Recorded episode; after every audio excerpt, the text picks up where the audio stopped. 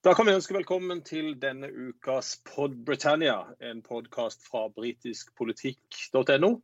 Eh, I studio i dag Jan Erik Mustad, og dagens tema er engelsk fotball og TV-serier knytta til The Beautiful Game. Gjest i dag er førsteamanuensis Arve Gjelseth fra NTNU, idrettssosiolog og eh, med spesialfelt på bl.a. fotball. We shall never surrender. The pride in who we are is not a part of our past. It defines our present and our future. The people of Scotland have spoken. England, Scotland, Wales, Northern Ireland, together, taking us forward, unleashing the potential of the whole country. Order! Det er i dag eh, dagen for å snakke litt om engelsk fotball.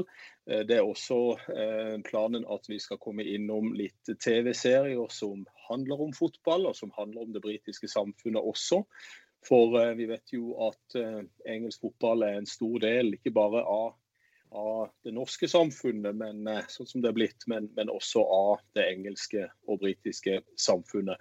Så Vi skal begynne litt med, med disse seriene som jeg tror veldig mange i, i Norge nå sitter og ser på, og, og, og som har som har gått på, på Netflix og HBO og, og andre steder i, i, eh, de siste månedene, eh, og blitt hyppigere sett i disse koronatider. Og Jeg tenkte å spørre deg først, Arve. Eh, jeg ville snakke litt om to serier, men det var én serie som, som jeg sjøl kikka litt på. Vi er jo begge overmåtelig interessert i fotball, og spesielt engelsk fotball. Hva, hva, hva fant du ut av når det gjaldt denne The English Game? Nei, altså, Jeg vil jo si at jeg er jo ikke blant dem som ser veldig mye serier på verken Netflix eller HBO eller hva det er, men jeg fikk et tips om den The English Game fra en kollega. Eh, så hadde jeg tilfeldigvis en, en, konto der, så jeg så den i løpet av en, eh, noen få dager. Eh, og den var jo interessant. Kanskje ikke for oss som kan litt fotballhistorie, så var den vel ikke noe sånn veldig revolusjonerende. Men som, som illustrasjon av en historisk prosess, nemlig overgangen fra amatørfotball til profesjonell fotball, og forflytningen eller forskyvningen av tyngdepunktet i engelsk fotball fra sør, fra London-området og til til eh, Lancashire-området, så var den eh, veldig interessant og illustrerende. Eh, så det er morsomt å se den, selv om den hadde en del sånne TV-serieelementer preget av litt sånn melodrama og, og kanskje også litt forutsigbarhet, som, jeg, som gjør at jeg syns ikke den var sånn gripende som, som eh, drama betraktet, men den var interessant som et bidrag til en eh, litt sånn folkeopplysning om fotballens bakgrunn. Ja, jeg er helt enig i det. Det var ikke noen glitrende serie, men, men, den tematiserte jo også en del andre ting som du var inne på. Eh, og, og, som sosiolog så er du også selvfølgelig interessert i, i uh, noe mot sør, antar jeg, i England, og, og arbeiderklasse og overklasse. Hva, hva, kan du si om, om klassefremstillingen i, uh, i, i denne serien? Jo, på det generelle planet så, så, mener jeg den sannsynligvis eh, bidrar med å oppklare en misforståelse som jeg ofte ser når folk beskriver eh, eh, engelsk fotballs bakgrunn på bakgrunn av Eller historie da, på bakgrunn av sånn eh, ting som de har hørt eller kanskje lest litt om. Og det er jo den Standardhistorien er jo hvordan fotballen ble flyttet fra borgerskapet til arbeiderklassen. på en måte. Men det er jo ikke det som er tilfellet. Det som, det som skjedde, var jo at fotball opprinnelig var en kostskolehobby Eh, for eh, ikke det fremvoksende borgerskapet, men fra den gamle eliten, fra aristokratiet, som gikk på disse eliteskolene i Sør-England og sånn, og som da opererte etter strikse amatøridealer og amatør er jo i dag nærmest et sånt eh, altså På norsk så bruker vi begrepet om amatør om en som er lite flink til noe. altså Når noe er amatørmessig, så er det lite dårlig det, Da er det dårlig arbeid. Men amatør var opprinnelig en hedersbetegnelse. ikke sant? På engelsk så betydde jo amatør en som er lidenskapelig opptatt av noe. Mm. Som ikke tilhører hans egen jobb. Og og, og, idrettsutøvere skulle jo være amatører i denne forstand. Og så bygget man da inn klassiske sånne eh, britiske overklasse gentlemans-idealer i dette her, som gjorde at man ikke strengt tatt ikke behøvde en dommer, f.eks., for, eksempel, for ingen ville finne på å bryte reglene bevisst. og sånn. Eh, de første utkastene til, til, regelverk for fotballen, som første gang ble kodifisert i 1863, så så, så, var det veldig stor motvilje mot å beskrive sanksjoner for regelbrudd, for man tok for gitt at regelbrudd var, skjedde ved rene uhell, på en måte. Mm. Uh, så det er denne uh, amatørideologien som utfordres av det fremvoksende industriborgerskapet i Nord-England, som da oppdager at dette kan være en måte å skape lokal entusiasme på og gjøre sin egen by kjent. Og, og bruke penger på å vinne eh, hegemoniet i engelsk fotball i denne perioden. Så det er borgerskapet først og fremst som utfordrer aristokratiet. Det er en, eh, en kamp mellom to typer overklasse. Og så har de da, Det nye borgerskapet har da arbeiderklassen som eh, spillere, og etter hvert som publikum for dette. her. På, den, på de planet så, så syns jeg serien illustrerer disse prosessene eh, ganske godt. Mm. Og Hvis de går litt utover serien og ser hva, hva skjedde så inn på 1900-tallet med den engelske fotballen, når vi på en måte beveger oss utover siste episode av, av serien, hvordan ser liksom engelsk fotball ut inn på 1900-tallet? Ja, altså Seriens uh, avsluttes vel med sånn 1883-1884 eller noe sånt. Blackburn Olympic blir det første arbeiderklasse, eller laget fra nord, da, som vinner FA-cupen i 1884, tror jeg. Eller mulig det var 1883. Blackburn Olympic, som de heter. Ja. Eh, og um, fra 1885 så tillater da FA en strengt regulert profesjonell fotball Eh, mye mot de gamle kostskolenes eh, vilje. Eh, men den store gjennombruddet for fotball som publikumsidrett skjer nok i 1888, da The Football League blir etablert. Og man da starter med tradisjonelt ligaspill. Og da eh, sjaltes disse amatørklubbene helt ut. Og, og, og, og, The Football League, som da er en slags konkurrent til FA, de er da i begynnelsen utelukkende en uh, serie for midt- og nordengelske klubber. Uh, da Tottenham for første gang vinner FA-cupen i 1901, og Tottenham er jo da en London-klubb, så er de fortsatt ikke medlemmer i The Football League. Uh, mens Arsenal er jo den klubben som tidligst tar opp profesjonalisme i London-området, og fikk også mye kritikk fra FA for det. Mm. Vi ser jo litt eh, disse fanskarene som begynner å danne seg, spesielt i, i, denne, i denne, norddelen av England, eh, rundt Blackburn og, og eh, rundt dette andre laget som, eh, som, spiller der oppe. Og at det det, betyr noe for byen, det betyr noe for fabrikken og for, for hele lokalsamfunnet. Hvordan vil mm. du beskrive eh, rollen til fansen her, fra disse tidlige stadiene av engelsk fotball og fremover mot den vi kjenner i dag? Nei, Veldig tidlig så ble jo nettopp fotballaget et, et, et på en måte samlingspunkt for lokal bypatriotisme og for lokalsamfunnspatriotisme publikumstallene var jo veldig varierende i de første årene. Og det var ikke sånn at hele byen på, øh, var på beina når laget skulle spille og sånn nødvendigvis. Men det, en, en, stor nok andel engasjerte seg til at det ble en snakkis øh, både på arbeidsplasser og på puben etterpå og sånn. Og, og det fikk stor betydning. og og, og, gradvis forsterket betydning i kraft av det allerede før 1900 så, så man eksempler på f.eks. dette overcrowding-fenomenet på en del stadioner på spesielt store kamper. ved at man rett og slett, Det ble vanskelig å regulere folkemassen, og det kunne oppstå farlige situasjoner som følge av at det lille som var av tribun, ble overfylt, og det ble skapt uh, ja, fysisk sammenpresning av folk og sånn. Uh, mm. og så, det er jo interessant, da. Mm. Ja, så var jo da publikum, Fotballpublikum var jo også i kraft av fotballens karakter, og at det ble en sånn, eh, et sånt underholdningsprodukt for arbeiderklassen, så ble jo også eh, fotballpublikummet litt sånn uregjerlig. Og, og, og, og, ganske tidlig så var det eh, en del eh, oppmerksomhet rundt at det, det, var en kilde til potensiell eh, sosial uro og antisocial behavior, som det, som det kalles i England. og sånn. Mm. Det, var, det var det tidlig sett på som en litt sånn det var for de røffe. Eh, I begynnelsen, 1880-90-årene, så var det nok flere kvinner på kamp for eksempel, enn tilfellet var 20 år senere. Da det var blitt en ganske klar maskulin praksis. Vi skal, vi skal, gjøre et lite hopp av det, fordi vi, vi, begynner å, bevege oss litt oppover i historien mot vår egen tid. Eh, og eh, Nordmenn har jo et veldig spesielt forhold til engelsk fotball, som, som både du og jeg vet godt, og som veldig mange andre her i Norge også. Eh, de er opptatt av sine respektive lag i, i serien.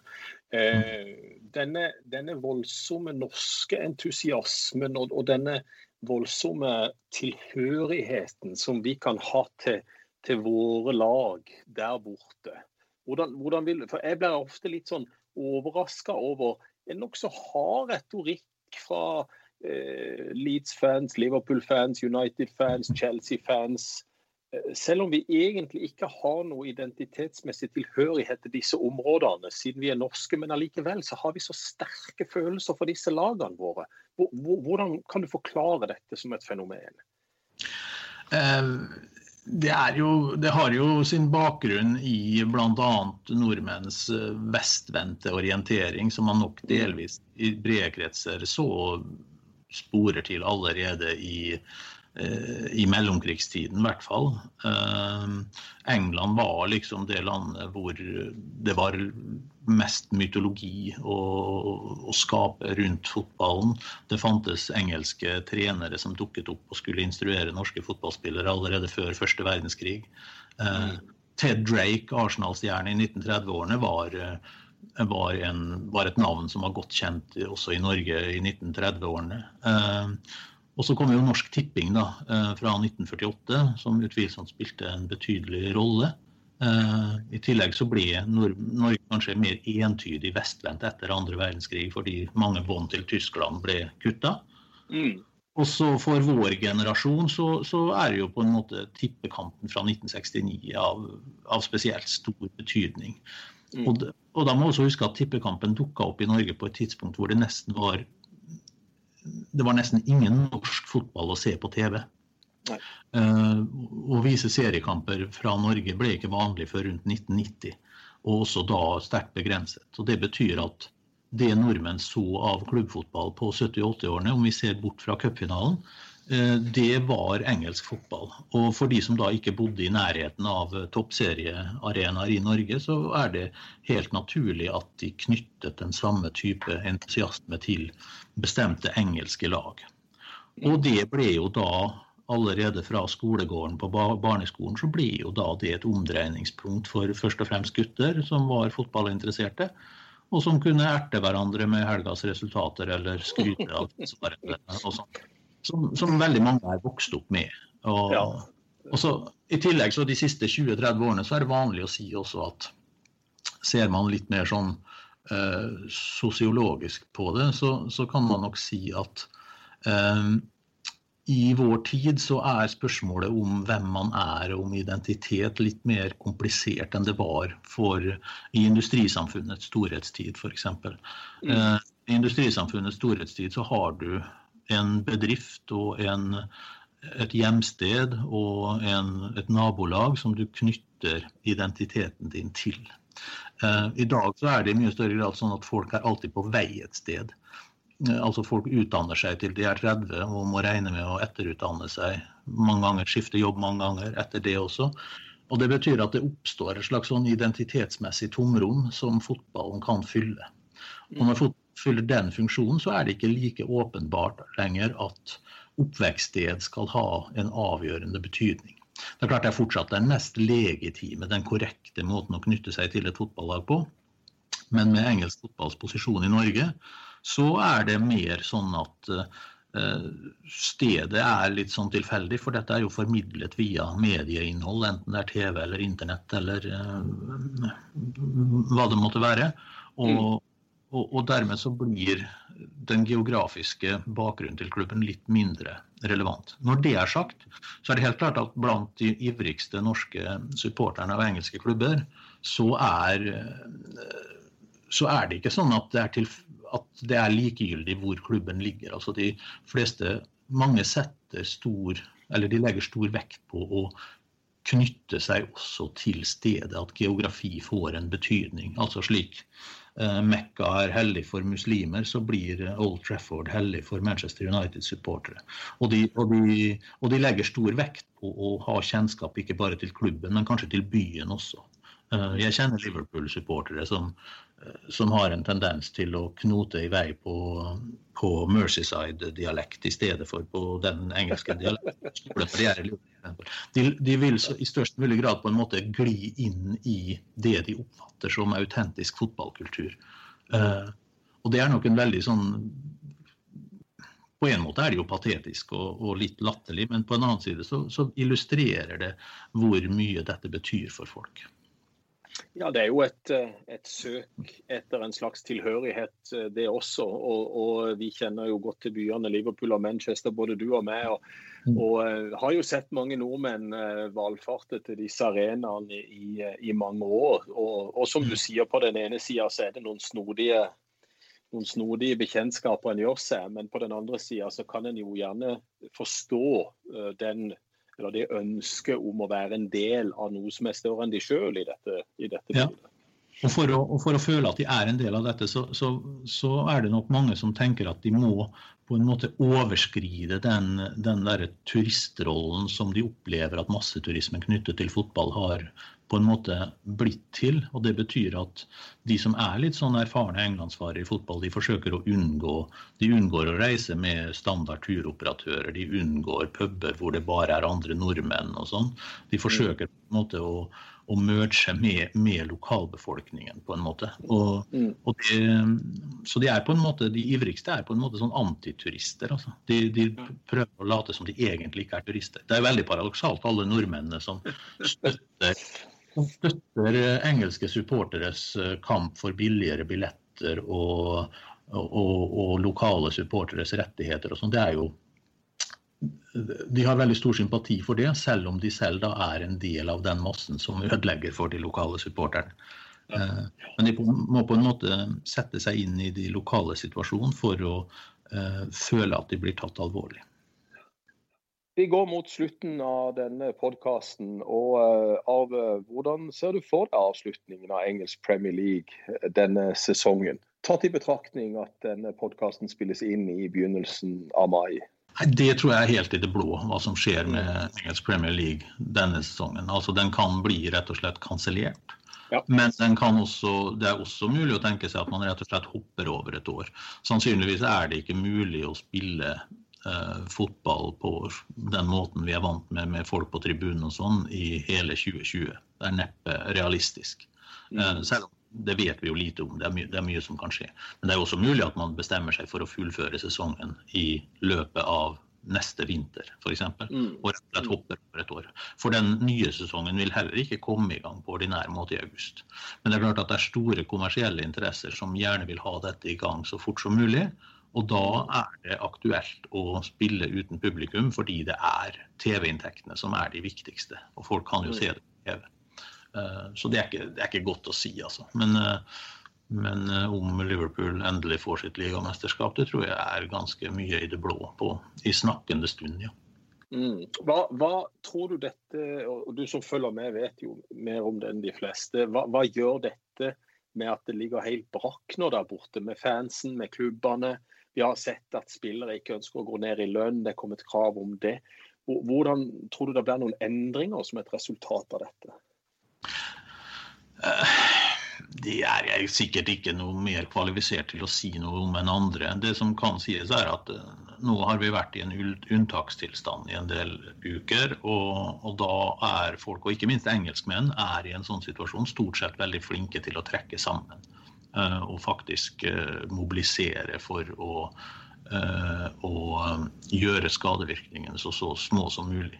Men når vi kommer over sommeren, og, og, hvis restriksjonene fortsatt er veldig store, så vil uroen knyttet til dette bli større. Lysten til å samle seg og feire et eller annet vil bli veldig mye større. Og, og da er det klart at da vil mange tenke at det er tross alt bedre med fotball for tomme eller nesten tomme tribuner enn ingen fotball i det hele tatt. Eh, så jeg tror vel at det blir en sånn mellomløsning i en periode. Og så er det klart at når dette er over, så vil interessen for fotball og andre, alle andre typer sosiale samlinger være enormt stor. Altså, jeg har jo lest om hvor mye publikum det var på idrettsstevner i Norge de første årene etter andre verdenskrig. Altså, det, er, det er som å, å, å slippe opp Eh, lokke på noe, og folk strømmer til bare for å oppleve en eller annen form for, eh, for fellesskap. Og det vil skje i England også en eller annen gang. på en måte. We shall never surrender. The pride in who we are is not a part of our past. It defines our present and our future. The people of Scotland have spoken. England, Scotland, Wales, Northern Ireland, together taking us forward, unleashing the potential of the whole country. Order!